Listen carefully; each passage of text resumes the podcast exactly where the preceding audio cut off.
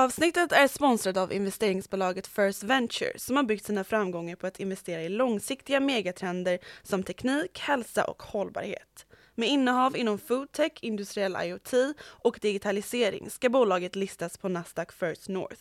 Nu genomför de en IPO om 245 miljoner kronor där allmänheten ges möjlighet att på ett tidigt stadium kunna ta del av den starka tillväxten inom dessa stekheta områden. First Venture har idag en portfölj bestående av 13 bolag, varav 11 är onoterade och två har hunnit ta steget in på First North. Den mest framgångsrika investeringen så här långt är i foodtech-koncernen Humble Group som idag värderas till 4,3 miljarder kronor. Bolagets grundare Rune Nordlander och Peter Wärme har lång erfarenhet av att investera och bidra till värdetillväxt i bolag och välkomnar nu allmänheten att följa med på resan på First North. Läs mer på first-venture.se.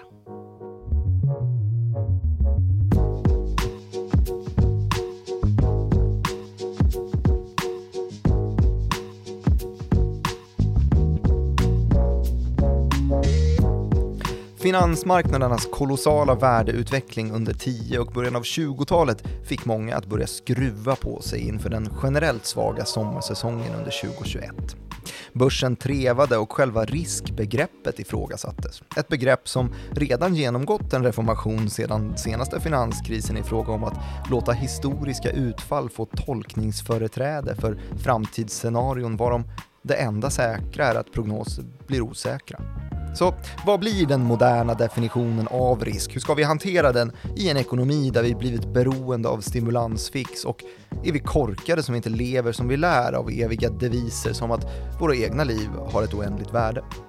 Det frågar vi oss i det här avsnittet av Follow the Money, en podcast om makt, storfinans och börsen av och med mig Martin Nilsson och utrikesredaktören Joakim Rönning. Joakim, vad har du funderat på i veckan? Koncept. Varför då? För att det här kommer ju bli ett väldigt konceptuellt avsnitt. Ja. För ingenting här är ju säkert. Pseudovetenskapen ekonomi. Ja, Mm. som kanske bäst definieras av eh, Daniel Kahneman, som vi har nämnt i den här podden tidigare. Psykologen som fick eh, Nobelpris i ekonomi. Och sen så skrev han en bok som har lästs av alla finanssnubbar världen över. Mm. Eller det kanske inte är så, men eh, det, det känns ju som en väldigt snubbläst bok. Patagonia Precis, man kompatibel. läser, man läser Daniel Kahneman, tar på sig en Patagonia-väst och börjar jobba med finans. Och så citerar man Daniel Kahneman hela tiden. Ja, det gör man. Stackars hans medskribent, vad heter han, Amos Tversky, Ja, som väl han som också fick Nobelpris. vem bryr sig? Ja, faktiskt. Nej men jag, jag vet inte, det var väl Daniel Kahneman som fick hem, det var han som skrev boken i alla fall. Ja, okej. Eh, sen så kanske han hade medforskare och så. Men eh, han pratar ju mycket om det här begreppet eh, risk då, och om att vi är så dåliga på det, vi människor.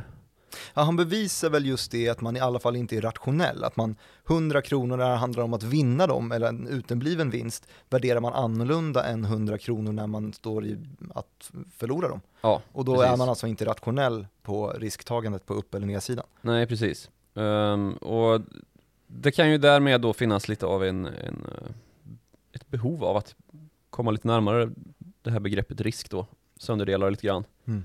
Eh, Men med konceptuellt då, att det här blir ett konceptuellt avsnitt är ju att ehm, vi pratar ju verkligen begrepp här nu som, som inte är fasta. Mm.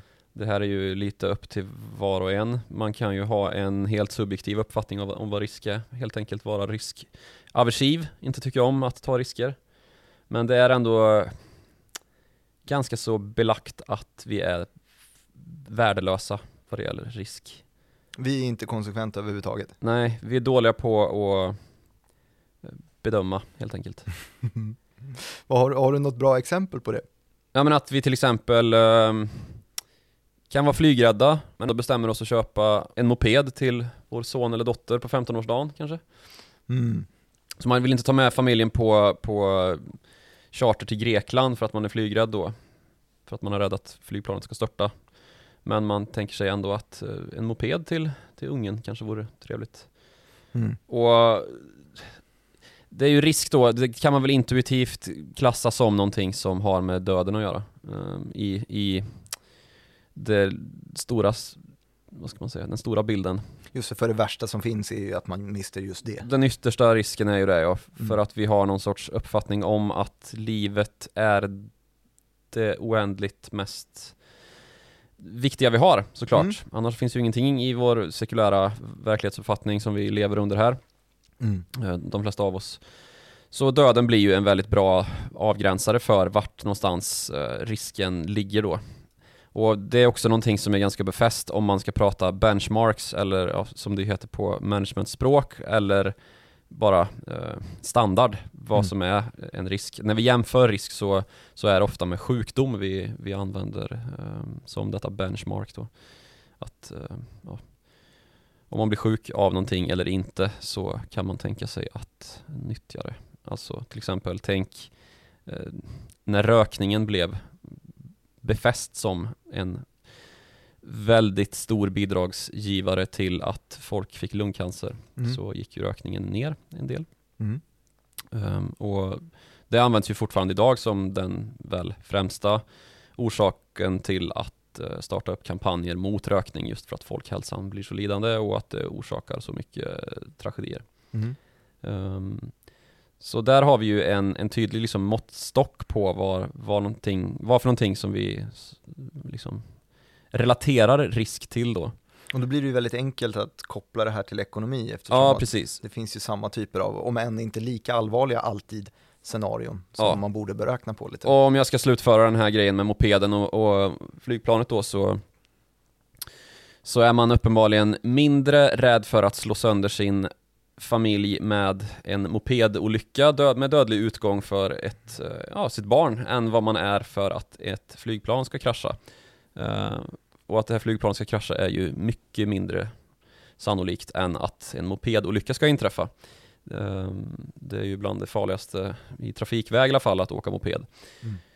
Och det finns ju tusen sådana liknande exempel. Ja, precis. Gå över gatan. Alltså du kan ju jämföra med vad du vill liksom. Men just då att det finns ganska mycket riskbeteende som inte riktigt hör ihop med det egentliga, den egentliga sannolikheten för att ett visst utfall ska, ska ske då. Det var ju jäkligt tydligt i, jag tror att det här är efter finanskrisen, alltså efter att sm- small 2008, så eh, började man eh, eh, hitta på ett par olika sätt. Man började leta efter sätt att få syn på risk, för man menade då att man inte riktigt hade överblick vilka typer av risker man befann sig i, vilka alltså finansiella risker man befann sig i. Och då började man trycka ut sådana här så att det blev obligatoriskt att uppföra eh, klassiska value at risk-modeller som då är alltså riskmodeller inom finansiella instrument som är designade för att en oinsatt person snabbt ska kunna få en överblick av vad står jag inför att kunna förlora inom den närmsta x tidsperioden. Mm. Och då fick man helt enkelt basera det här på historisk data och eh, hur pass säker man ville vara. Man, kunde, man kan egentligen bara vrida på två stycken faktorer i en value at risk-modell och det är just den här eh, hur eh, stort tidsintervall vill du bevaka, alltså vill du ha överblick över bara närmsta timmen, hur stor risk har jag att min portfölj tappar 5% i värde närmsta timmen? Ja, ganska låg risk att det blir så. Eh, eller så kan du dra ut det, du kan köra 24 timmar eller en vecka eller en månad eller år eller två år och så vidare. Och då blir det ju allt mer osäkert. Och så gör du det här utöver ett, ett konfidensintervall som då såklart aldrig kan vara 100% säkert, men baserat på den historiska, är, är det alltid, den historiska volatiliteten, så kan du i alla fall få en uppskattning av vad är risken att min portfölj tappar 10% i värde inom den närmsta veckan. Ja, Ja. jo, men baserat på historisk data så är det ungefär den här procentchansen. Och den stora grejen är ju just det, att man hela tiden baserar det på historisk data och då spelar det ju en, en jävla roll vilken, vilken data man tittar på. Eh, Och här menar jag, nu rantar jag iväg lite grann, men här menar jag att folk lite grann har glömt bort att börsen kan gå ner. För att koppla till det här. Ja, men det är många som har kommit ut på börsen nu som aldrig varit med om att det går ner. Ja men exakt, och jag menar alltså som ett, eh, som ett litet, eh, om vi kopplar tillbaka till, vi gjorde ett avsnitt om, eh, om ISK-konto, ISK-debatten, Mm. om man skulle höja skatten på den. Och där var det väldigt mycket olika debatter där folk då tog upp räkneexempel på hur eh, hur det skulle påverka ett sparande. Och i varenda exempel, och jag ryckte till på ett, var det verkligen så här, ja nej men om vi tar det här räkneexemplet över tre års tid och baserar det på att börsen stiger 7,6% per år, för det gör det årligen, Och så den typen, man reflekterar inte ens längre för att ja, det är sant det de säger, absolut. Börsen har stigit, om det var en över 50 års period som den har stigit 7,6 procent per år. Men det är just över 50 år, alltså zoomar man in så pass kort som tre år, ett, ett, de närmsta tre åren, då kan man inte rimligen basera sig på att det ska stiga 7,6 procent. För att det är, ju, det är ju rakt av väldigt osannolikt att det blir just 7,6 procent per år över de här tre åren. Det är ju extremt mycket mer volatilt än så. Och det här var ju ingenting i sig med ISK-debatten att göra, men det eh, exemplifierar ganska tydligt hur pass insnöad man blir. Att man likställer, ja men i snitt så har börsen stigit så här mycket, då borde den göra det per år. Ja, det är sant, men man helt liksom tänker bort volatiliteten. Alltså träffar man fel eh, och plockar fel treårsperiod, så ja, det, det, värsta jag kan tänka på i, i närminnet är ju prickar du eh, toppen av millennie-IT-bubblan. Eh, Då har du att se fram emot 36 månader av, av nedåtgående börser. Alltså den följer ju där mm. börsen i tre år i sträck. Då är du precis drygt, välkommen tillbaka i princip. Ja men exakt, då har du suttit där i tre år och så här, då, har du, då blir det ju helt annan input för ISK-debatten, för då ja. har du suttit och skattat för den delen på saker och förlorat 70% av ditt värde på, på tre år, som väl index föll där från topp till botten, ungefär 70%. Och har du därtill eh, haft en riskspridning som inneburit två, tre First North-bolag, en skön SPAC och lite Dogecoin, då ligger ju du tokbankrutt helt plötsligt eh, på de där tre åren. Så det spelar väldigt stor roll och under den senaste tiden på börsen, alltså vi tar, du kan ju träffa toppar 92, 2000, 2007 och 2012 och 2020, alltså det finns ganska 2021. många ställen där du kan ha råkat, ja. 2021 eventuellt nu då, där du kan försätta dig i en ganska skitig position. Ja. Det går liksom inte att luta sig mot det där. Eh, vad höll, vi på, höll på att prata om risk i Ja stor, men alltså, ja, men, det är väl bra, vi kan liksom mergea begreppet risk då, som väl kan ses som en funktion av en sannolikhet för att en viss händelse ska inträffa och dess konsekvens då, hur mm. kostsam den blir. Uh, och inom ekonomiska termer då så kan man väl säga att sannolikheten uh, att, att, det, att den här funktionen då blir sannolikheten för skadliga händelser multiplicerat med den genomsnittliga skadan av mm. dem. Om man ska tänka ur ett liksom, försäkringsperspektiv till exempel. Mm. Uh, och det, det är ju mycket närliggande till finansmarknaderna, ju, hur de fungerar. Mm. Eftersom att försäkringar ju i grova drag handlar om att um, inte förlora tillgångar helt och fullt utan ha lite mer, ska man säga, stabilitet över tid, även om det skulle inträffa så kallade svansriskhändelser. Uh, det har du berättat någon gång. Vad en svansriskhändelse är? kommer jag ihåg att jag började snarka i mikrofonen. det är ju de här extremfallen i value at risk-modellerna, alltså det som hamnar utanför den prognosen du just gav. Då Precis. hamnar du i ett eh, svansläge. Tail risk. Också någonting som vi blev hånade för i Svenska nyheter en gång i tiden, att uh, vi pratade om black swans, alltså svarta svanar. Som... Just det, vi båda blev inklippta där. Ja. ja det var ju trist. Kristoffer Appelqvist, heter ja. han så? Mm. Ja. Du, eh, vad, vad, finns det för typer av, uh, av risk, om vi ska definiera dem lite mer tydligt? Och, om vi grottar oss in i ekonomi framförallt. Jag sätter mig på, på slak lina. Uh, men du var ja, men Rent konventionellt inom finansiell ekonomi så brukar man väl prata om fyra stycken huvudrisker. Ska vi se om jag kan dra dem ur. Marknadsrisk har vi och så har vi likviditetsrisk. Så har vi väl verksamhetsrisk eller affärs, äh, affärsrisk. Här är någon som har, har gått på Handels och Och så har vi mm, kredi, kreditrisk också, den fjärde. Det kanske stämmer. Och sen så har vi lite syskonrisk, valutarisk är ju till exempel en sån risk som man kan kanske koppla in till ingen eller flera av dem, men lite hur man definierar då. Men det, det, det är de typerna av risker som man brukar prata om då när man går på handel så ja. Ja, just det. Just det. Och ja, det låter ju inte så jävla kul kanske. Så vi kanske snabbt ska försöka ta oss därifrån. Ja, um, gärna det. Kan vi inte få lite, lite, vi brukar ha, hitta fotfäste i, i historien. Just det. Uh, för det här med försäkringar då som jag drog upp där förut, det kan ju ha viss... Uh, man kan ju också ta en risk, det här med upp och nedsiderisk då. Mm. Om man tänker försäkring så är ju det är för att skydda en nedsidesrisk. Mm. Alltså att någonting ska gå åt pipan. Att man ska ha lite fast mark att stå på då, även om det går åt pipan. Det kan bli kostsamt men inte så kostsamt som själva händelsen faktiskt. Alltså ditt hus brinner ner, det kostar eh, självrisk, men Mm. du får ett nytt hus. Du får Mm. tillbaka ditt hus kan man väl säga, ja, i Just det. Eh, sen så finns ju dess motsats också, uppsidesrisk. Alltså att du tar en risk och det medför att du faktiskt kan göra vinst, tjäna pengar. Mm. Eh, den delen av, eh, ska man säga, ekvationen kan ju anspela på det vi har kommit att kalla för futures, alltså terminsmarknaden och optioner och sånt här. Hmm. Som ju är lite, alltså det är ju kontrakt då som man kan köpa för en framtida händelse. Jag kommer att tänka på nu när du sa huset brann ner så kommer jag att tänka på, det här är ju eh, någonting som varenda människa som har ett lån och köper en bostad ställs inför. Ska jag binda räntan eller ska jag låta den vara rörlig? Just det. Låter man den vara rörlig du vill så ha ett man ju, räntetips? Ja, jag vill jättegärna ha ett Ja, räntetips. får du inget. Det, det är ju då ingen som, eh, ingen som vet riktigt heller.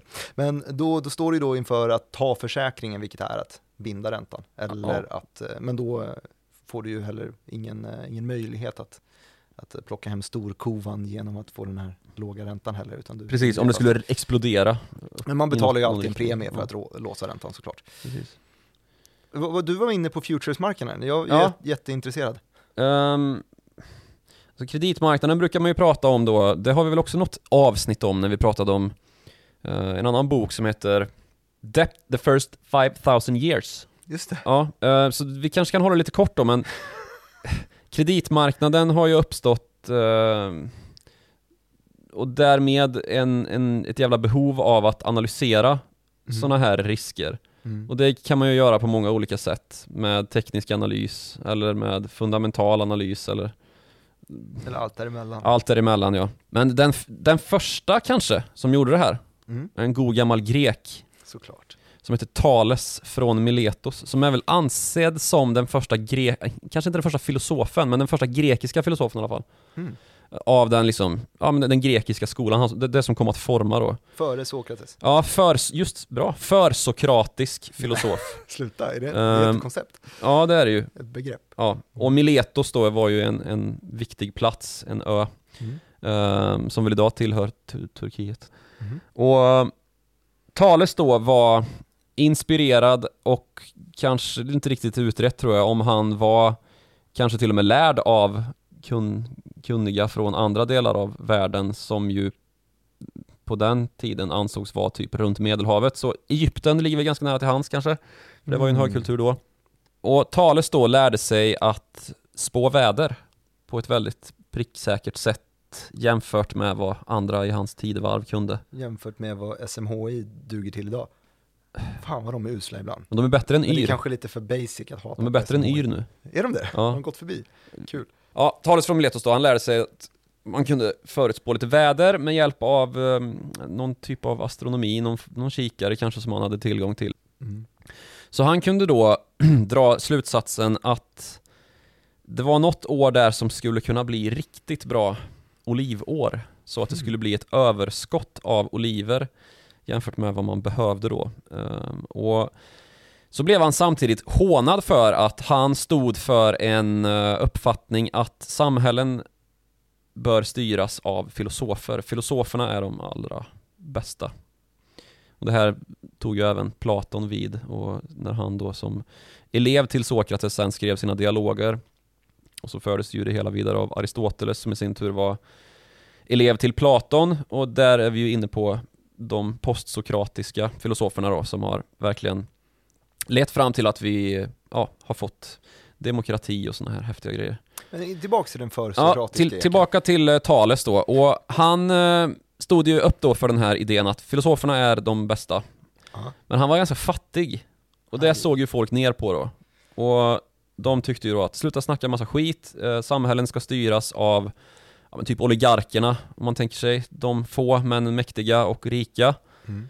Och du säger ju bara så här för att du inte är mäktig och rik. Mm. Du är fattig och du vill bara styra för att du sitter och tänker en massa och tycker att du är ball. Mm. Då sa han att jag skulle mycket väl kunna bli rik, för filosofin är liksom det basala för att överhuvudtaget kunna Alltså tänkandet är det viktiga för att kunna Jävla självförtroende. Ja, absolut. Kunna dra slutsatser som man då kan göra sig rik på. Och vissa har också tur, men jag är övertygad om att mitt tänkande skulle kunna överträffa erat och därmed så skulle jag kunna bli rik om jag bara ville det. Mm. Så då nyttjade han ju då den här förutsägelsen om hur vädret skulle bli ett visst år. Mm. Och så hyrde han in sig på alla de eh, hos alla de olivoljeproducenter som fanns, alla olivkvarnar som, som då skulle nyttjas för att göra olivolja. Ja. Så han tog ju en corner, skulle vi kalla det idag. Men han var ju fattig så han tog lån för att göra Han det tog här. lån för att göra det här. ja. Ja. Ehm, ganska vidlyftiga lån naturligtvis, med väldigt hög, hög ränta och risk. Just det. Ehm, Men han lyckades ju också då skapa sig ett monopol lagom till den här stormfantastiska sommaren. Stormfantastisk, det kanske är kontradiktivt men men fantastiska sommarvädret kom och olivskörden blev fenomenal och han hade plötsligt monopol då på att göra olivolja och kunde som handelsman då plötsligt se sig som öns rikaste man. Fick han bestämma då? Han proved his point i alla fall, på ett bra sätt. Och det här kan ju verkligen eh, leda oss in på nästa punkt i det här då med vad som eh, sådana här analyser av hur mycket ett lån ska kosta till exempel. Man kan tänka sig så här att de som gav lån till Thales då, som kanske inte hade så värst så här, hade väl inget track record på hur bra han var på att bedöma väder och så, utan det var väl mest eh, anekdotiskt han själv som påstod det och man visste att han var ganska smart liksom. Och, Mm. men eh, ja, visst, men eh, vi riskar det här då, då så har vi gjort en liten analys där. Den, den består ju då i att man kommer fram till att nej, men vi litar på honom. Mm. Och så ger man honom en ränta. För det är ju ränta som är kostnad på lån då, nu blir det väldigt basalt här men. Mm. Och det är ju här eh, någonstans vi har bestämt oss för hur vi bedömer risk i det finansiella systemet, eller hur? Mm. Och kan inte du eh, berätta lite om hur vi ser på det här med risk och ränta och kanske förklara den riskfria räntan rent av? Jo, jo men absolut, för att det ska ju hela tiden finnas något som vi, jag tror att vi började vid eh, vid USA senaste gången vi gick igenom den riskfria räntan och det är nog Ja, det är helt rätt att göra, göra, det. För då får man tänka sig att USA är motorn i, i världsekonomin på något sätt, det som man lutar sig mot. Eh, och där i har vi då Federal Reserve, den centralbanken då som eh, höj, höjer eller sänker räntan och står för den finansiella stabiliteten i landet och för dollarn. Eh, och de i sin tur styr ju eh, den tioåriga statslåneräntan. Och den tioåriga statslåneräntan är vad man i alla fall rent praktiskt brukar mm, luta sig mot som den riskfria räntan i systemet. Man menar helt enkelt att eh, den här speglar risken för Eh, risken för USA som stat att gå under på tio års sikt är så pass låg att det får vara någon form av baspunkt. Eh, och den är ju så pass låg just nu att vi snackar att du får ungefär 1,5% tror jag eh, betalt i ränta då alltså för att låna ut pengar till den amerikanska staten. Så det är, den, det är så mycket betalt du får för den risken. Men den risken ser då såklart annorlunda ut, men den riskfria räntan är på något sätt baspunkten för vad du ska förvänta dig och det baserar du då dina andra mm, beräkningar på. Så att ska du med den här 1,5% i bakhuvudet låna ut pengar till Thales från Miletos då kan du i alla fall tänka dig att ja, men det är större risk att eh, talet från Miletos inte klarar av att betala tillbaka sitt lån än vad det är att USAs eh, statsapparat klarar av att betala tillbaka sitt lån. Så därför vill jag då ha någonting högre än de här 1,5 procenten. Så där någonstans börjar du din beräkning och sen så försöker du räkna dig fram till ungefär vad du ska tänka dig för betalt. Och det beror ju på hur stor du skattar sannolikheten är att Thales från Miletos konkar innan han har möjlighet att betala tillbaka lånen. I det här fallet så kan vi ju tänka oss att de här som lånade ut pengar fick rätt bra betalt för att han hade ju inte så mycket track record eller trovärdighet vad vi vet. Eh, och det var en ganska bold idé, antagligen tog det rätt mycket pengar och ju, ska du låna riktigt mycket pengar och inte har så mycket trovärdighet så kostar det ju eh, därefter. Men han lyckades ju, vilket betyder att de som lånade ut pengar, de fick ju bra betalt. Eh, och eh, Thales fick ju också tillbaks sina pengar och blev den här styrande oligarken till Ja, sist. och när man är, har ett monopol så kan man ju bestämma lite vad man ska ha för pris och sådär. Så Just det. kan man tänka sig att han krävde ut för att få tillbaks och bli rik. Nu ramlade jag in på greker igen, men det var för att det var kul där. Men den riskfria räntan fick vi väl någorlunda förklarat på, Ja, att det får jättebra. vara någon form av baspunkt. Men eh, vi kanske behöver liksom, för när man tänker räntor så tänker man ju också mycket på bostadslån, men de ska vi inte ta nu.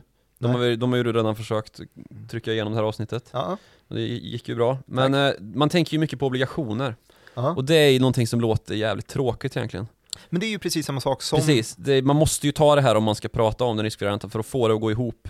Mm. Eh, nu ska du berätta vad en tioårsränta är. Ja men den tioårsräntan har vi ju berättat om i, genom Federal Reserve där och då om vi tar det i relation till obligationsmarknaden så är det precis samma sak men istället för att det är de två extremerna, antingen statsapparaten i USA som ska betala tillbaka rånet eller talet från Mileta som kanske är längst ut på riskskalan, så någonstans däremellan har du ju då företagen som ska eh, också vill ha pengar, också vill finansiera någonting, också vill finansiera att köpa upp olivkvarnar eller dylikt, fabriker kanske om man är Tesla eller eh, något liknande. De får ju då någonstans betala eh, någonstans mellan 1,5% och eh, toppen då som Thales får betala. Och de gör ju på precis samma sätt, att man går till marknaden och försöker eh, helt enkelt eh, få till sig pengar i utbyte mot att man, man ställer ut en obligation, tar in pengar och eh, i utbyte mot att man lovar att betala tillbaks hela slanten och några procent därtill. Ja. Var det där du ville hamna? Skitbra. Tack. Och så handlas ju de här uh, räntepapperna då, statsobligationerna, på både primär marknad och sekundär marknad. Och primär marknad, det är när man, man tänker sig att de, när de skjuts ut då från staten. Mm. Eh, att det är någon som är där och köper dem. Och på sekundära marknaden, det är ju de som köper begagnade statsobligationer kan man säga. Så av de som har köpt dem från staten så hamnar de på en eh, sekundär marknad där man också kan handla dem. Just det, för det är ju inte så att du måste hålla den här statsobligationen från amerikanska sidan som vi sa i tio år, utan det kan ju vara så att du köper den och sen efter sex månader så är det ju bara nio och ett halvt år kvar på den här obligationen som du köpte och skulle få en och en halv procent i ränta för. Då kan du ju sälja den vidare till någon annan istället. Ja, och då har Där ju räntan också, också fått en, en eh, Alltså då, då har det blivit en, en effekt på själva ränt, räntepappret också, att då, utifrån hur ekonomin i USA går, eller hur, eh, om man ska säga, vad det gäller företag då så kan det ju gå bättre eller sämre för företagen. Ja, det finns en jäkla massa eh, grejer som kan styra Ja, priset för, på de här. ja, för som sagt då så kan ju även företag dela ut sådana här obligationer mot att ta in pengar då. Mm. Och sen lova att man ska betala tillbaks, men eh, det blir kanske svårt då om man som köpare eh, får vara med om att företaget ja, går i konkurs. Mm. Då blir det kämpigt. Mm. Eh, och till det här räntepappersspelet då, obligationsmarknaden, så hör ju också de här ratinginstituten, ehm, bör nämnas då när man pratar risk. För det är ju precis vad de jobbar med. Just det. Eh, och det här är ju ganska en spännande liten del i just obligationsmarknaden, att man har stora kreditvärderingsinstitut. De som kanske är mest kända har vi ju Standard Poor's och Moody's, som då sätter Eh, betyg på bolagen och eh, för att man snabbt ska kunna värdera vilken typ av kreditvärdighet har de, ungefär hur bra är de på att betala tillbaka det här så att man kan få en, en överblick. Så de utvärderar kontinuerligt, vad har de för betalningsförmåga eh, och därefter så får man ju då en fingervisning om ungefär vad räntan ska landa på. Och det här har man delat in i ett jäkla massa olika fack och för att förvirra det ännu mer så ser det också olika ut. Ja, man har olika skalor för det här. Exakt, eller Moody's som har gjort den. Men allra bäst så har vi AAA eh, på, på både Standard Poor's och Moody's och sen så blir det då i fallande skala hela vägen ner till ganska lågt. C. C. Ehm, det här är ju ingenting som vi har på börsen direkt. Nej, Men det är många börsbolag som gärna vill ha ett högt kreditbetyg. ja det här är ingenting som man egentligen måste följa så pass nära, Nej. men följer man de bolagen som är väldigt kapitalintensiva, som har affärsidéer som kräver väldigt mycket pengar, eh, rör ihop ordentliga omsättningar men till ofta ganska låga marginaler. Jag tänker till exempel på fastighetssektorn. Då är kreditbetyg en väldigt, väldigt viktig parameter. Jag vet att flera av dem har uppsatta mål att det här inom eh, de närmsta tre åren ska vi nå kreditbetyget eh, BBB. Triple Jan- B. Exakt, det hade ju till exempel SBB, Ja, eh, precis. Samhällsbyggnadsbolaget. Och Eh, varför då? Jo, men för då kan man få då en lite bättre eh, räntevillkor på sina lån helt enkelt och plocka in pengar till en billigare peng och därigenom eftersom att man drivs av de här, man har så pass stora omsättningar men låga marginaler så, så gör det väldigt mycket, det slår väldigt mycket på intjäningsförmågan om man har möjlighet att låna pengar till en billigare peng. Ja, och här också går ju gränsen för vad som är en så kallad junk bond eller skräpobligation. Precis vid trippel B. Ja, junk bonds är ju en helt egen eh, kategori av obligationer ses det ju som. Man brukar dela upp då i junk bonds eller uh, high yield bonds, för de har ju mycket högre ränta då eftersom att det blir dyrare för de här företagen att låna pengar eftersom att deras utsikter är grumligare eller sämre än för stora bolag. Man kan ju tänka sig då att Apple till exempel, om de skulle ge ut en obligation så skulle den behöva ges ut nästan gratis för att de har så himla rosenskimrande framtidsutsikter för sig. Ja, men det måste ju nästan vara större risk att eh, amerikanska staten konkar än att Apple konkar. Ja, precis. Det är där man tänker. Det kanske är de som är den riskfria räntan då. Ja, um, och sen så har vi då investment grade som det heter då när man är investeringsbar, alltså att man, man absolut inte väntas gå i konkurs. Ursäkta. Mm. Avsnittet är sponsrat av IG som är en globalt ledande tradingmäklare och ett solklart komplement till ditt vanliga sparande och trading som du enkelt når via datorn eller mobilen. På IGs pålitliga plattformar kommer du åt 17 000 marknader och kan därigenom investera globalt mot råvaror, krypto, index eller enskilda aktier. Ser du en möjlighet? Ta då vara på den genom att ta en position med IG. Klicka på länken i poddbeskrivningen eller besök ig.com. Men kom ihåg att all handel med finansiella instrument innebär risker. Men om vi nu, när, nu närmar vi oss ju, eller nu har vi ju gått bort från Thales, som för, förut är född på 600-talet före Kristus. För sokratiskt ändå. Ja, och, eh, men nu närmar vi oss ju verkligen en aktuell riskmiljö här när vi börjar prata junk bonds och uh, börsen. Mm. och en intressant uh, marknadshändelse här i veckan har varit Grekland ändå. Så vi är kvar i Grekland men vi är 2600 år framåt i tiden. Mm. Uh, alltså 2021 och noterar att Grekland har haft en rätt kämpig tid bakom sig de senaste, vad blir det, 15 åren. Mm. Det har varit eurokris, ett land som har stått på randen till konkurs, statsbankrutt, man har varit nära att kollapsa eurosamarbetet. Man är fortfarande ganska så insolvent och eländigt. Mm. Men ändå nu så är räntan på grekiska statsobligationer rekordlåg. Hur låg? Det är så här då att uh, vi spelar in det här på tisdagen och under morgonen här så skickade jag ut en tweet på snabla Joakim Ronning. Kul. Mitt, jag likade den från snabel direkt Martin. Ja.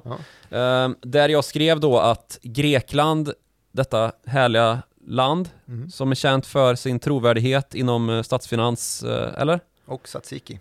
Ja, numera så måste man alltså för att låna ut pengar till Grekland och förvänta sig att få tillbaka dem på fem års sikt betala för det. Minusränta på Minusränta fem års... på femårsobligationer ja.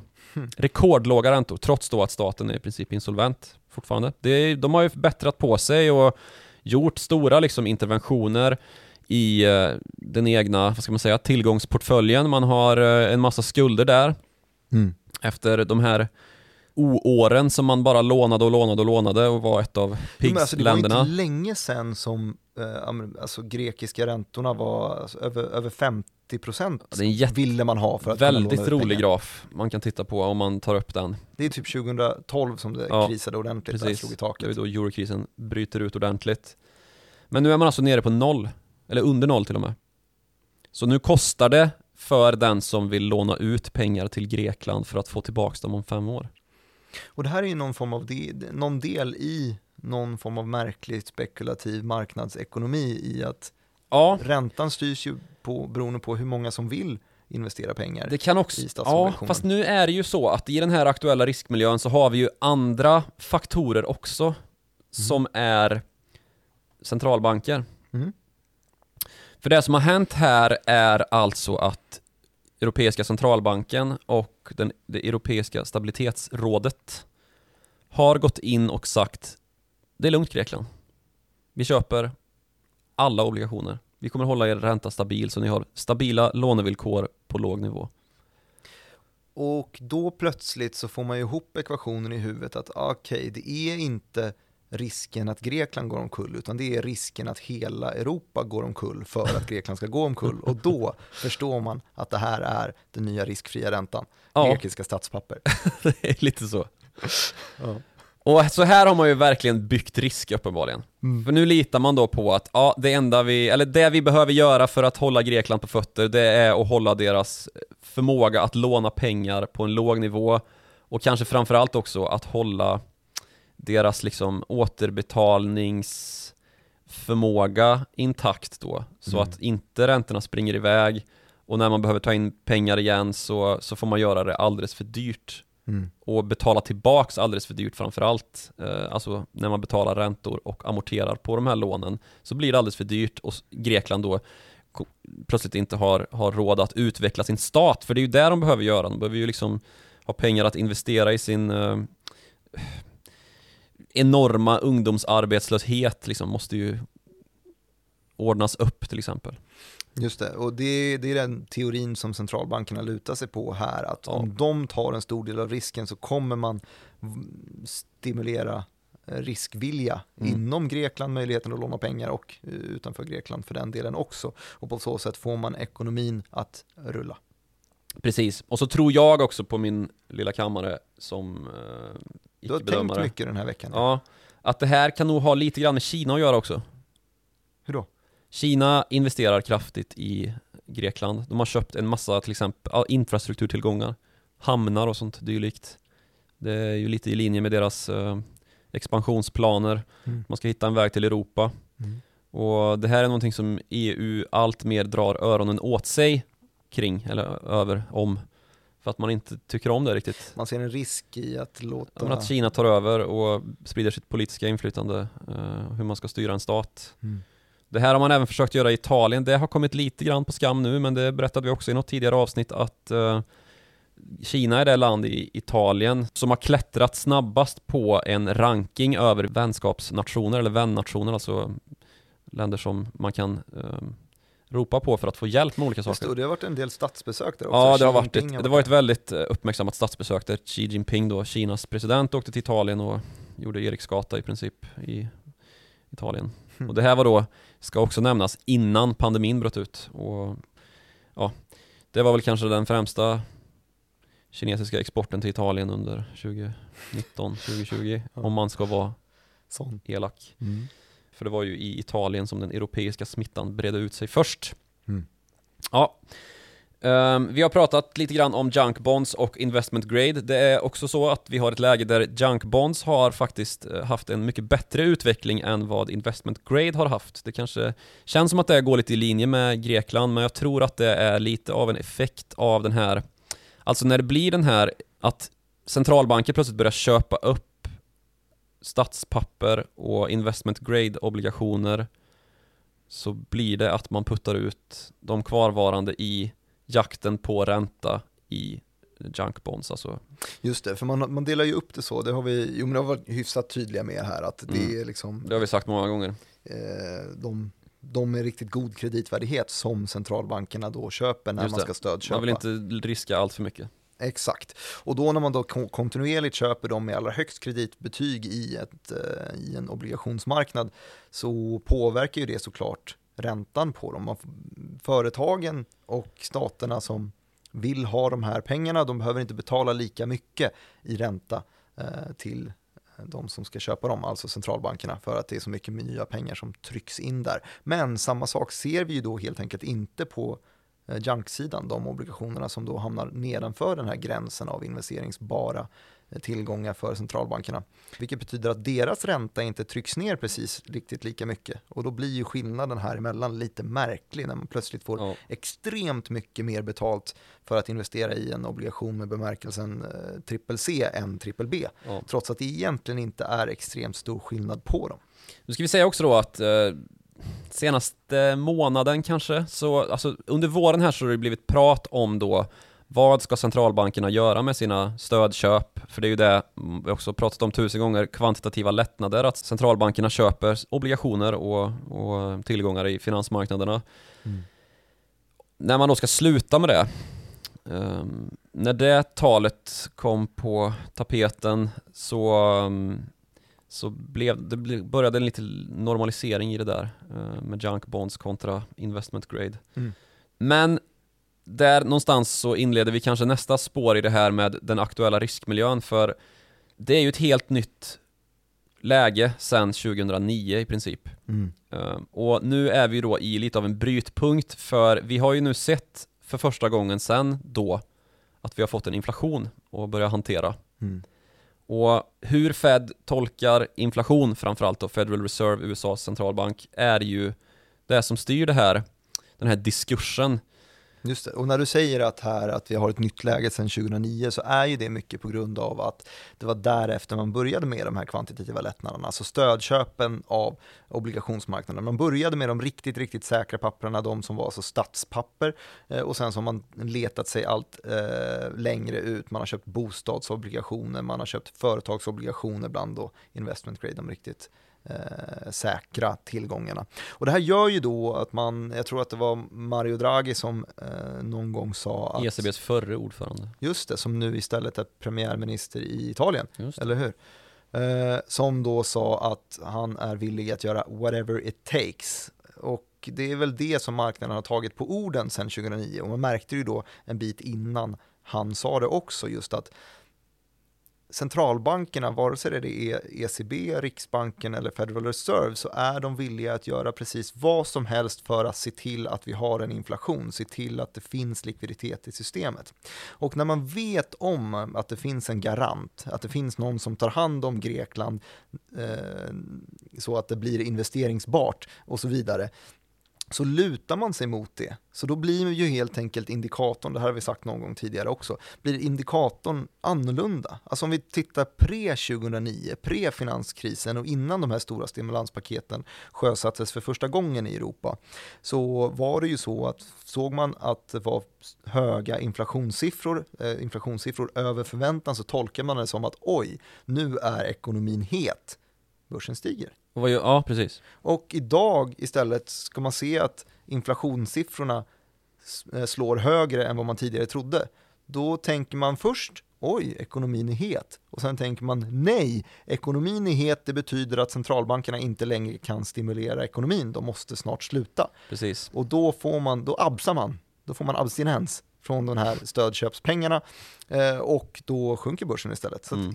helt enkelt de här ledande indikatorerna som är inflationen har fått ett helt annan betydelse. De har vänt på klacken helt och det har de gjort gradvis sedan 2009. Det var inte precis likadant 2010, 11 och 12 som det är idag. Idag är det ju solklart att man är livrädd för att stimulanserna ska upphöra. Ja, precis. Och nu är det ju ändå så att alla är ju ganska på det klara med att de här, de här, eh, den här marknadsamfetaminet som de här stödpengarna har blivit, för det är ju det enda börserna rycker på nu egentligen. Och det är ju också, tror jag mig se, därför vi har ett sånt här lågvolatilt läge på börsen överlag nu. Att eh, det, det är vänta och se inför de besked som Federal Reserve ska ge då om inflationen, hur man, hur man tolkar de här spikarna som det har blivit nu under Mm. april framförallt och maj då. Kom, har ju kommit data för de månaderna eh, och maj kom ju förra veckan här och det var ju lite högre än väntat. Mm. Och i förlängningen så är ju det här då, hur kyler man ner en ekonomi? Ja visst, man eh, slutar stödköpa. Eh, Det får man göra långsamt, det är alla ganska överens om. Mm. För att det inte ska bli en total... Senast man var i samma läge var 2013 med Ben Bernanke som Federal Reserve-chef och när han började andas i riktning mot att att tapering betyder ju då neddragning eller vad man ska säga, att man ska Mm. minska stödköpen. Så blev det ju Ett helt nytt ord, taper tantrum. Ja, då. precis. Man började kalla det för taper tantrum och tantrum är ju då eh, att man får ett eh, Utbrott. utbrott, ja, meltdown, eller vad man ska säga. Melt up blev det i räntorna i alla fall. Precis, melt up i räntorna och meltdown i börssammanhanget. Det är ju ofta så det går. Och på tal om räntorna då, så är man ju också väldigt rädd för att inflationen ska bli så het att man får ta till det konventionella vapnet. Och det konventionella vapnet är ju att höja räntan. Och när man höjer räntan så flyr man ju risk. Ehm, Då går man ju till säkrare tillgångar som till exempel då ja, statsobligationer. Mm. För att där får man ju då plötsligt avkastning och då blir börsen kall och det uppstår volatilitet som trycker börsen neråt. Det blir svårt att prissätta och ja, riskflykt helt enkelt. För Vi är ju, måste vi ju säga, är vi i helt andra änden just nu ju. Mm. Eh, eller hur? Med alltså den, den typen av eh, vi har ju sett fler och fler, jag, jag, anledningen till att jag säger så här är att jag intervjuade Svolders vd eh, idag, Ulf Hedlund, som ganska riktigt skrev i, han har i och för sig för vana att göra det, han driver då ett investmentbolag med ett 20-tal bolag i portföljen och i kvartalsrapporterna och i årsrapporten så brukar han eh, skriva lite grann om vad, hur han tolkar börsen just nu. Och han hade ett hel, en hel rubrik eh, som hette överhettning. Eh, just där han tryckte upp då, slog ner ganska mycket på att det är extremt många bolag som noterar sig eh, och han pratade eh, till exempel om SPAC-bolagen som han menar inte alls har, har någon plats på, på Stockholmsbörsen. Jag frågade honom just den frågan och han sa att det var liksom en en märklig mellanhand som verkligen inte behövs. Alltså man det skulle lika gärna kunna investera direkt i Bure eller Creades. Just det. är de För det är ju intressant då att, att Svolder är ju en, eh, också ett investmentbolag på svensk mark eh, som, som då inte vill ha ett SPAC-bolag som ju är ett uppköpsskalbolag, ett bolag som man sätter tomt på börsen med enda avsikten att eh, genomföra ett omvänt förvärv så att ett annat bolag hamnar på börsen. Så det är, liksom så det är en snabbfil för att börsnotera kan man säga. Exakt, och det är någonting, ett symptom som uppstår när man vill till börsen väldigt, Alla väldigt vill snabbt. till börsen, alla vill casha in kan man säga. Mm. Eh, och det är ju just det vi har sett. Alltså, jag snackade också med, eh, med Adam Wahlfeldt ute på redaktionen som täcker just eh, han, hans ansvarsområde. Han, han är väldigt trött nu för tiden för att han jobbar så jäkla mycket med just alla de här IPO-erna. Han eh, intervjuar och undersöker vad det är för typ av bolag som kommer till börsen och det är ju det är ju extremt hett, det tror jag att vi nämnde i något, något avsnitt Mm. tidigare också just, att det är just extremt många bolag som kommer till börsen. Och det är just också extremt delat, eh, menade Svolders vd, och det ligger väl någonting i det också. Vissa grejer sticker iväg som ett skott medan andra eh, bolag inte rör sig överhuvudtaget. Alltså vi har ju då till exempel checkin.com som steg 1300% upp till dess topp under första veckan och sen andra veckan handlades ner till måttliga 450% upp. Svagt. Mm, väldigt svagt. Eh, alltså den typen av bolag. Å andra sidan så har vi eh, ett gäng bolag som Move by Bike till exempel, där täckningsgraden var 70% bara. Eh, och som kanske inte hade en lika härlig första dag på börsen. Jag har inte koll på exakt hur, hur det gick för dem. Det låter Jag inte kan som att det var lika hypat riktigt. Nej men exakt. Eh, och det kanske har med affärsidén att göra också, men det är helt enkelt eh, alldeles för lätt att notera sig på börsen menade Svolders vd Ja. här och manade då till att ja, men, ha koll på vilka lister som de eh, noterar sig på. Och han föredrog då helt enkelt att ta de som går till huvudlistan, de är eh, eh bättre granskade menade han. Ja. Eh, ja men det vi latchar med när vi har det på det här viset då med SPAC-bolag och vi har även en påtaglig memkultur som har tagit sig ut på börsen är ju att vi inte bara i börssammanhanget utan också då i det här räntesammanhanget har helt enkelt prissatt eh, finansiella tillgångar felaktigt mot antaganden då som har varit uppåt väggarna. Och det vet vi ju inte än då, eftersom att risk är någonting som vi tenderar att basera på historiska händelser. 7% per år. Ja, och vi är i ett läge nu som vi aldrig har varit i. Och precis som tales från Miletos så tror vi ju att vi kan förutsäga och se eh, vad som är på väg att hända. Mm. Och i någon mån så har vi väl kanske blivit kollektivt bättre på det än vad tales från Miletos kreditgivare var en gång i tiden. Eh, Men det är ändå samma premiss liksom. Mm. Att tänk om alla gammelekonomer inklusive Federal Reserve och alla centralbanker i väl hela världen har fel. Eh, Jag säger inte att vi kommer få hyperinflation helt plötsligt liksom. Men det finns ju en, tycker jag mig se i alla fall, allt större skara av ekonomer som har ett allt större intresse av att få sina röster hörda kring att ja men det här är nog på väg mot överhettning Mm.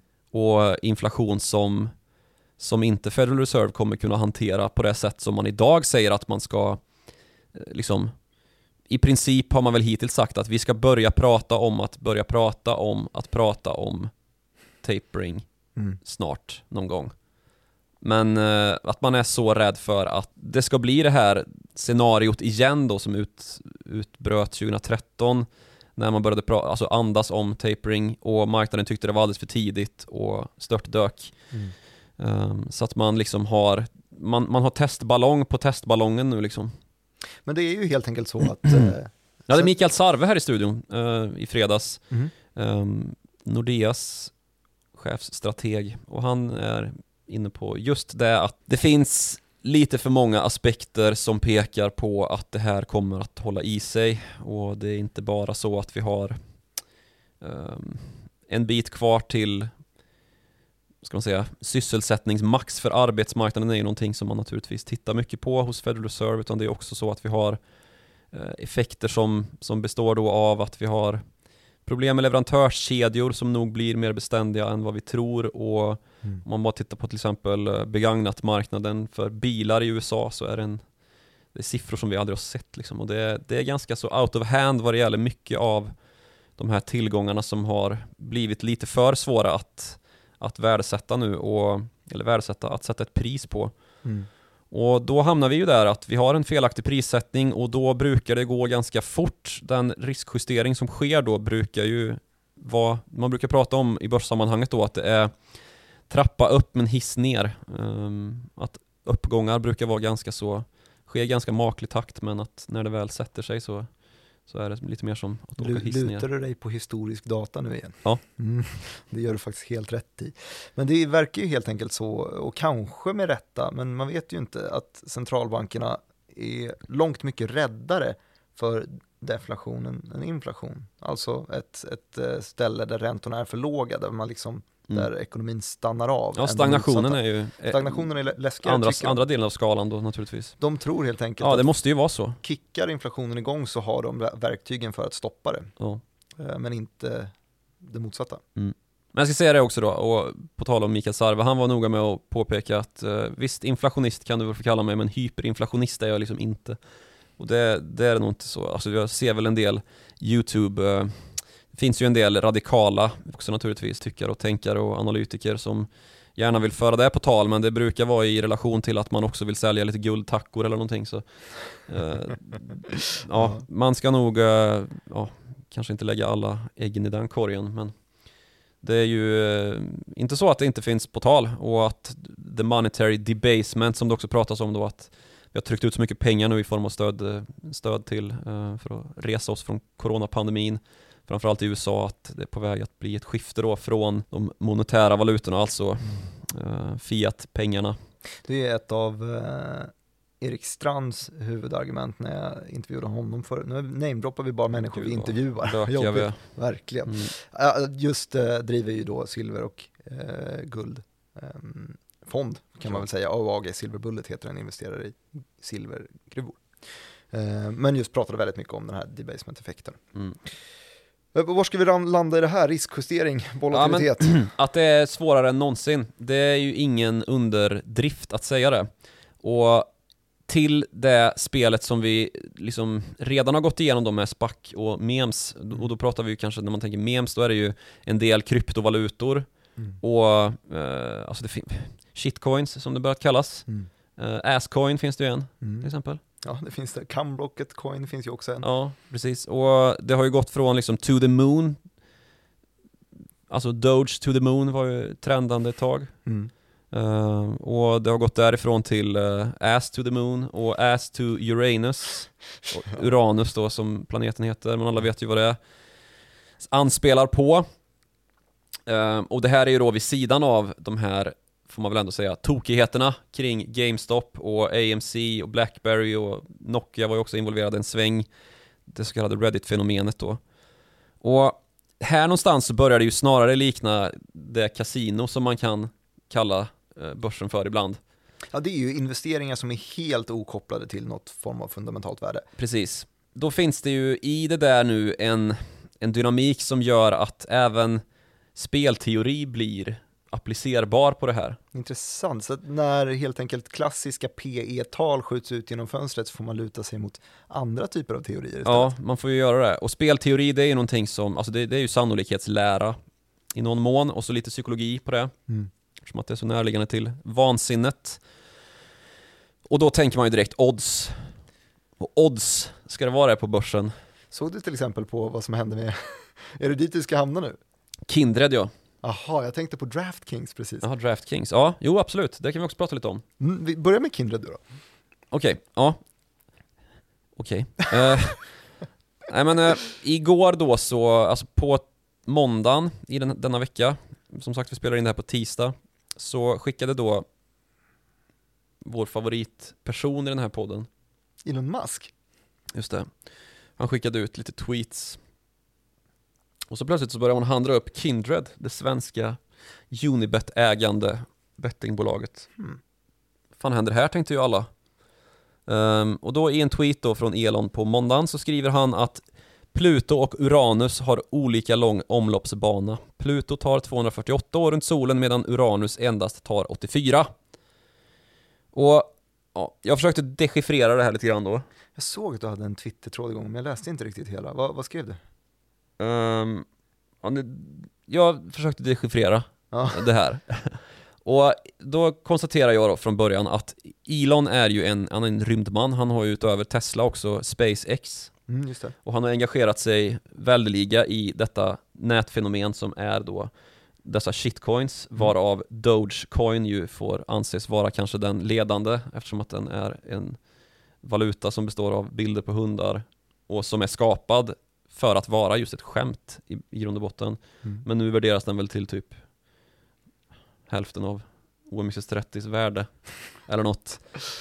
Så ett Elon Musk-skämt är alltså värt halva OMXS30 typ. Eh, säger väl en del om hans liksom betydlighet i det här. Men han är ju ett, han gillar ju det här lolet liksom som är dagens mem, finans, Mm. ekonomi. Och Uranus är ju såklart roligt då för att, ja, det fattar ju alla. Uttalet i, på engelska Uranus, alltså ert. Ett rövhål. Och det, det har ju varit kul sedan man eh, fick sin första engelska lektion ungefär. Mm. Ehm, men sen så finns det ju naturligtvis de här, de här coinsen då som heter Ascoin till exempel. Det finns Mm. också ett som heter väl Uranus tror jag. Och det finns ett företag som ägnar sig åt att, ja, digital ekonomi som heter Pluto. Okej. Eh, ja, så, men, och det är ju svårt rätt då. Men, men båda är ju i alla fall representerade i kryptovärlden. Pluto som ett företag som kopplar samman då den här decentraliserade Web 3.0 ehm, teknologin med den globala ekonomin. Och så skriver han ju då att Pluto har en trögare omloppsbana än vad Uranus har. Så kanske att uh, Ascoin är ett, ett bättre alternativ än att satsa på Pluto. Ja, det spelar ju ingen roll vad han tycker egentligen, det spelar ju bara roll vad Nej, eller så, tolkar eller så handlar det om att han tycker att man borde kalla det för uh, Ascoin to Pluto snarare än Ascoin to Uranus eftersom att det är längre till Pluto. Mm. Ja, jag vet inte. Men sen så snurrar han till det ytterligare då, för i en närliggande tweet så börjar han skriva att ehm, någonting är ungefär som ett eh, Philip K. Dick-skämt. Vad, vad är Philip K? Philip K. Dick då, han är en science fiction-författare som bland annat skrev eh, den bok som mynnade ut i filmen Blade Runner, det är väl det han är mest känd, känd för idag. Mm. Han har skrivit en massa science fiction eh, romaner när det begav sig. På 60-talet var väl han som störst, 60-70-talet. Mm. Och det han refererar till där tror jag är ett, ett skämt som Philip K. Dick har med i en av sina böcker. Eh, en bok som heter The Three Stigmata of Palmer Eldritch. Hur kom du fram till det? Nej men för att det här är the Philip K. Dick joke som han skriver. Okej. Alltså han skriver om Philip K. Dick joke. Ja, Alltså häng med här nu. jag försöker. Ja. Och det här skämtet då som, som Elon Musk har skrivit om i relation till de här övriga tweetsen om Uranus och Pluto. Ja. Det går så här. Att då, är- det är en värdinna då som, som förbereder en fem kilo stek i sitt kök. Ja. Och så innan hon börjar tillreda den liksom slutgiltigt, köra in den i ugnen, så lämnar hon köket och går ut till sina gäster i salongen. Mm. De har redan börjat fylla till lite grann och så umgås hon där med dem då ett tag innan hon återvänder till köket och då kan hon inte hitta den här 5 kilos steken. I ett hörn då i köket så sitter eh, familjens feta och nöjda katt och tvättar sig. Men eh, hon ropar då in några redan överförfriskade gäster, fulla alltså. Och så ber hon dem om hjälp att hitta den här steken. Eh, den, är, den är borta då kan man konstatera. Mm. Och misstankarna riktas ju allt mer mot denna katt. Och då kommer ju bevisfrågan upp på bordet då. Kan vi fastställa att den här, eh, det faktiskt är katten som har, ja, som är den skyldiga? Aha. Så kommer de på den briljanta idén att väga katten för att se om den kan ha ätit upp steken. Vad vägen? Ja, eh, någon hittar en våg och så väger katten då in på exakt 5 kilo. Och så ropar någon Aha! Ett empiriskt bevis, det är steken. Och då utbrister någon annan förvirrat. Men eh, var är katten då? ja, okej. Så det här är ju då ett, ett intellektuellt skämt bara. Mm. Nonsens, ren jävla nonsens bara. Mm. Precis som mycket av Elon Musk är Mm. överlag. För att liksom relatera det här skämtet då, alltså Philip K. Dicks skämt med Pluto och Uranus upptåget, Mm. så skriver han K in Philip K. Dick betyder ju dessutom Kindred. K alltså Mm. i Philip K. Dick står för Kindred. För Kindred är ju också ett namn och ett ord Ja. som betyder släktskap. Mhm. Så då blir det ju ett, ett liksom eh, ett skämt på skämtet här då. Att eftersom att Philip K. Dick heter Kindred i andra namn, ett ord som betyder släktskap, så måste det ju vara så att släktskapet, det är till hans tes då om att Uranus och Pluto sambandet det måste finnas ett släktskap med hans skämt. Och skämtet går ju ut på att någonting har gått upp i något annat och tagit över. Alltså steken har gått upp i katten och tagit över, så katten finns inte längre. I det här nonsensskämtet. Mm. Så då kan man ju fundera på, aha, han menar att det första kommer uppgå i det andra, så att det är bättre att satsa på Pluto än Uranus. Och på det här då så handlas Kindred upp, Ja, precis. för att och han när- nämnde Kindred. Och bara för att någon som heter Elon Musk då, som ju har blivit memkungen i världen och som har kunnat liksom fläska upp Dogecoin till ett värde som är typ hälften av OMXS30 i, i värde. Alltså alla bolagen, alla storbolagen på Stockholmsbörsen. Mm. Ehm, de mest handlade 30. Så, så har ju hans Twitterinlägg blivit en liksom finansiell kraft att räkna med i marknaden. Kan, vi, kan vi inte skriva av den effektiva finans, eh, mar- marknadshypotesen? Ja, man får ju nästan göra det. För det här är ju svårt att analysera. Vad kommer Elon Musk att tweeta i eftermiddag? Ehm, men, men det var i alla fall märkbart vad Kindred handlades upp. Sen så handlades det ju ner igen. Uh, både jag och DI försökte reda ut vad det var som hade hänt. Jag tyckte jag gjorde ett bättre jobb såklart. Du, du hade i alla fall en gedigen historia bakom. Ja. Vad, vad gjorde det för någonting? Konstaterade faktum mer eller mindre. Ja, okej. Men i alla fall, det här, är- de här intellektuella science fiction-skämten i förhållande till Kindred då, indikerar ju någonting om att det här pratar vi också om i ett annat avsnitt, att det här, börsen har ju lite, lite grann blivit ett postmodernistiskt skämt liksom. Mm. Ett konstverk. Och konstverket består väl allra mest av att jag sitter här och försöker dechiffrera vad Elon Musk eventuellt menar med sina LOL-tweets liksom. Som är sånt oerhörd nonsens. Det är Mm. nonsens på så hög grad att det är obegripligt komplext och härligt. Mm. Som ju popkonst är. Tänk Andy Warhol och hans Brillo-boxar. Mm. Tvättmedelskartonger som såldes för miljoner bara för att han hade skrivit sitt namn på dem ungefär. Mm. Och då är frågan, är det Brillo-boxen, alltså tvättmedelskartongen som sålts för en miljon typ, som är konstverket? Eller är det personen som köpt en tvättmedelskartong för en miljon som är konstverket? Så vi blir ju alla en del av konstverket här lite grann. Och då kan man ju verkligen fråga sig om den effektiva marknadshypotesen har så mycket att komma med och om eh, det här liksom avkodningsproblemet har blivit för stort för att vi ska överhuvudtaget kunna definiera vad som är risk längre.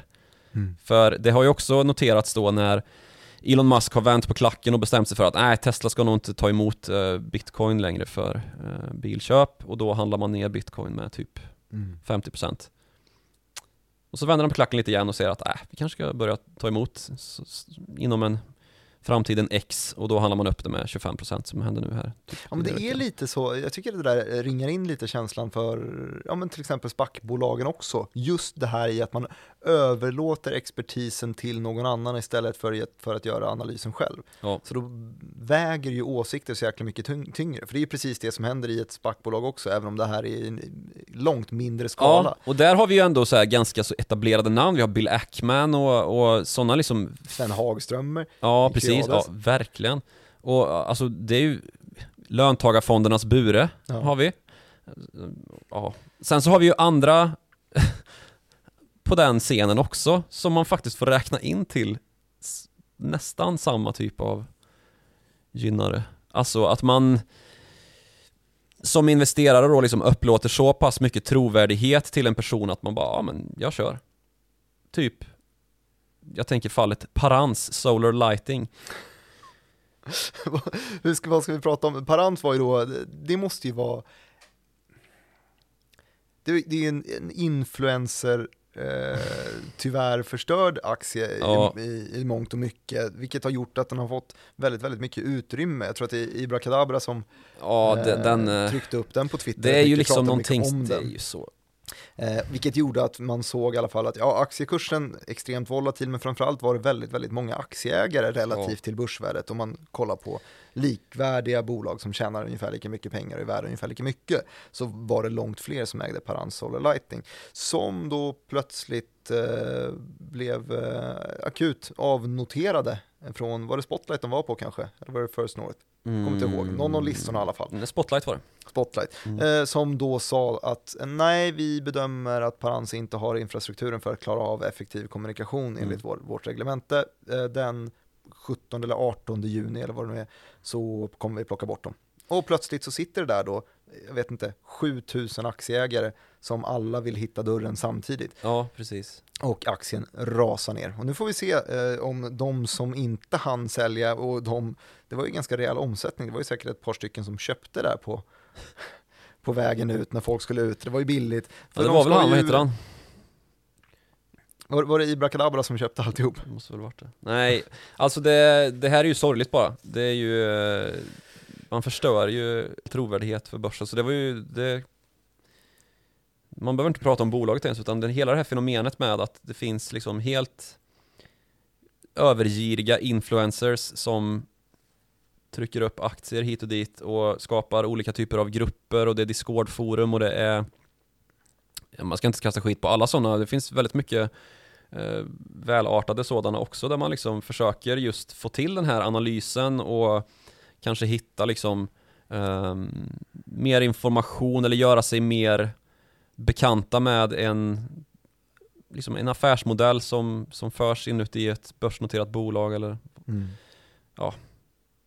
den typen av analys är ju toppen men det finns ju också de här uppenbara bedragarna och det är ju många som lär sig det här den hårda vägen.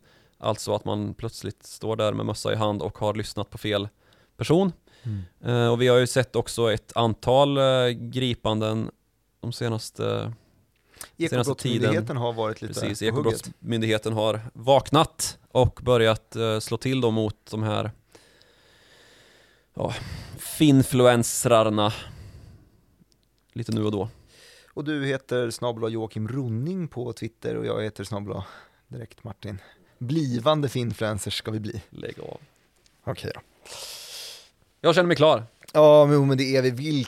Vilket, eh, vilket viktigt men rörigt avsnitt som började i eh, definitionen av risk på något sätt. Vi snackade då om ehm, ja, marknadsrisk. Du rabblade upp de fyra finansiella riskerna Jag kommer inte ihåg dem ens nu längre.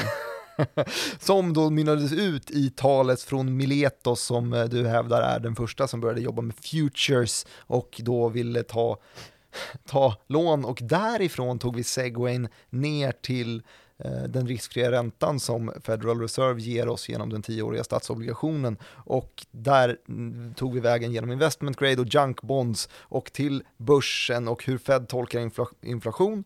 Eh, vi snackar en del om de här, eller väldigt mycket om den felaktiga prissättningen som då inte riktigt följer den, den klara mallen som den effektiva marknadshypotesen sattes upp där av Fama och French på 70-talet kanske. Eh, För att nu ser vi istället en jäkla massa meme-inspirerad och influensad eh, typ av kommunikation som styr eh, börspriserna. Kan inte jag få knyta ihop en schysst grej där också? Jo, jättegärna. För det, det här med liksom att eh, man griper folk nu, det är ju toppen då, men kan, man kan bevisa att de är skyldiga också. Men det är på tal om spelteori så är ju det någonting som inte går att räkna in i spelteori. Eh, just det fallet när folk börjar fuska, när motståndaren fuskar. Och det är ju den risken vi löper hela tiden här, att fusket blir för stort och att vi plötsligt liksom har fuskat upp en marknad, eh, spekulerat på lösa grunder eller inga grunder alls. Och det kan ju bli hur stort som helst har vi fått lära oss. Nu är kanske risken lite lägre eftersom att vi inte har ett banksystem som står och faller med sin egen risk som vi hade innan 2008 kanske. Men eh, ja, det, därför tycker jag att det är högst väsentligt att prata om spelteori eh, i dagens börsklimat. Det tror jag också att det är faktiskt. Eh, för att fortsätta med var vi var någonstans så var det ju just där spelteori och du drog intellektuella sci-fi skämt om Kindred och vi nämnde faktiskt inte DraftKings utan vi la mer Ja. ut en trevare. Ja. DraftKings var ju då eh, huvudämnet från den senaste analysen av Hindenburg Research som Ja, började precis. blanka dem, eller hur? eh, blankningsspecialist som nu har varit ute och hävdat att eh, DraftKings eh, är ännu en av dessa ännu ett av dessa SPAC-bolag, för de kom ju på börsen som ett av de första stora SPAC-bolagen. Mm. Eh, och det här är ju då en konkurrent va, till Kindred, en amerikansk Men jag tror sådan. att framförallt att eh, Kambi har väl haft något avtal länge med DraftKings som håller på väg på, på gång att löpa Ja, ut. och det här sänkte faktiskt de svenska bettingaktierna också en del. Uh, och Hindenburg då som är mest kända för att de har sänkt både Nikola och nu här i veckan så har Lordstown Motors, ett sånt nytt fräscht elbilsbolag som också kom till börsen via SPAC. Så det här har ju blivit Hindenburgs favoritkategori att leta bolag att analysera och eh, sen utkomma med sådana här analyser då där man säger ha, det här är ju bedrägeri eller de ljuger eller ja, det är ju samma sak men Mm ja, peka på felaktigheter i deras kommunikation helt enkelt. Mm. Och um, nu har man då hittat saker på DraftKings. Jag har inte läst hela analysen för jag var tvungen in här och spela in men eh, aktien var i alla fall duktigt ner i förhanden. Mm. Och som sagt, här tidigare i veckan så var Lordstown Motors ute med en, ett försvarstal då i, ehm, som, ett, som ett svar på Hindenburg Researchs analys som kom ut tidigare i vår. Och ja, man hävdar ju fortfarande att det är mycket som är missvisande och falsk information från Hindenburg. Samtidigt så avskedar man VD och finanschef och eh, Mm. ja, gör en rätt stor sak av att eh, förklara de här eh, felaktigheterna som ju uppenbarligen har pågått och kommunicerats eh, väldigt dubbeltydigt i den information som investerare sen ska fatta sina beslut mot. Så Mm. där har vi ju ett problem som också går att appellera Det på ska bli lite spännande spelteori. att, att följa precis den historien också. Det brukar alltid vara spännande att läsa deras och rapporter. som sagt, Nikola fick ju också smaka på vätgaslastbilsbolaget som ju kanske inte hade så mycket mer än skisser, Just så var det, det har vi beskrivit någon gång inferno tidigare. av prototyper. Vi har nämnt våra Twitteradresser så det tänker jag inte göra igen, men man kan mejla oss på uh, followthemoney@direkt.se. Gör gärna det, vi fick ett fint mejl precis här innan vi satte oss och började spela in. Det var kul att läsa det. Fortsätt med sådana. skriv också en liten kommentar om ni eh, hittar oss på YouTube eller en recension om ni hittar oss på iTunes. Det är bra det, för då Vad händer då? växer vi. Ja, Kan vi göra mer, kloka ord kan vi göra mer extra poddar? Ha det så bra, vi hörs igen om en vecka.